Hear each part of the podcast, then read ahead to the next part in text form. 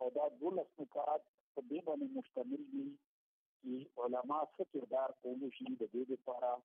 چې په دې ګرده خطه کې امن راشي په افغانستان کې امن راشي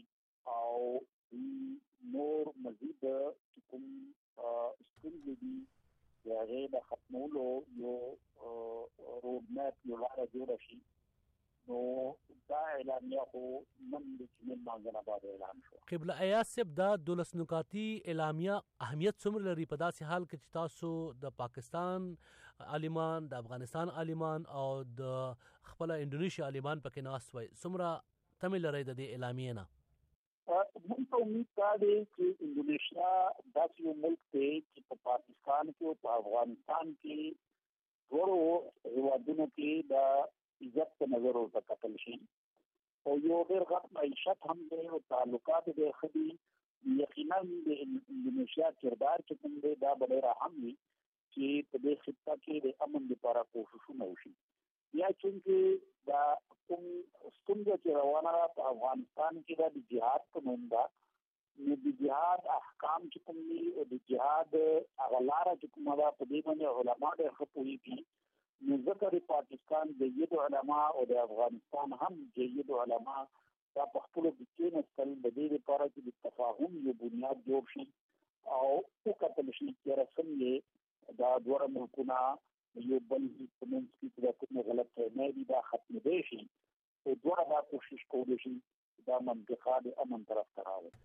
خو تاسو په خپل خبرو کې وایي چې په افغانستان او پاکستان کې د امن ضرورت دی خو تاسو په دې 12 نکاتی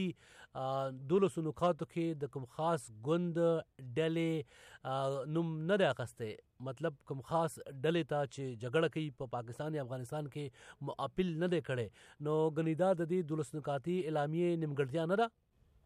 چې هغه کې کوشش دا شوې ده ځکه چې دا درې وړه ملکونه چې کوم دي او دا علما یا اون ټول کوشش دا و چې دا غونډه چې کومه ده بین الاقوامي دا د یو فریق رانواملی او دا داسې یو کا ثالث منځه نو کپ دې کې تاسو وګورئ چې کومه نقطه دا سلرم نمبر باندې هغه کې دا خاص شوې ده چرا چې کوم افغان فریقین دی یعنی طالبان او حکومت خو د طالبانو نام نه دی اخیستل شوی دوی په منځ کې براه راست خبرې اترې پکار دي او دا د دوی یو قسم اندرونی مسله ده باید چې دوی په خپلو کې یو تفاهم وکړي او افغان ملت د موجوده ستونزې نه راوباسي نو تاسو څومره خوشبینه یې قبلا یا صاحب ځکه چې ما ته یاد چې تاسو تیر کال په پا پاکستان کې د پاکستان عالمانو یو فتوا هم جاری کړي وو یو اپیل هم جاری کړي وو دغه شان په افغانستان کې هم اپیل او فتوی جاری شوی وي چې ځانمرګي بریدونه دي بند شي په مسلمانانو د حمله نه کیږي خدا غي رستو نه یوازې دا چې حمله کیږي بلکې هغه خلک وای هم چې موږ به دا کار دوامدار ساتو نو د جکارتا د دې اعلامیې نه وروسته ستاسو خوشبینۍ څه دي چې دا خلک به ومني کوم چې جګړه کوي؟ بنیری صاحب په یو کانفرنس کې څه نه کېږي د دې لپاره ډېر زیات هلې ځلې په کار دي خو دا کانفرنس یو ډېره غټه ابتدا ده او بیا خاص کر دا ابتدا داسې ده چې دا د داسې یو ملک طرف نه دا کانفرنس وشو چې هغه ملک چې کوم دی هغه په اسلامي نړۍ کې ډېر اهمیت لري د آبادۍ په لحاظ څه په ټولو نه غټ ملک دی او بل د طرف ملک دی لکه د دوه ملکونو سره دی ډېر ښه اړیکې ساتي او تعلقات ډېر ښه دي نو یقینا زه وایم چې کچرته دا را پروسس چې کوم شروع شمن کدا دې ته چرته دوام ورکړي شي او بیا نور ملکونه هم داسې هوادونه چې هغه د دوه ملکونو سره خپل تعلق ساتي هغه هم ان بورډ راشي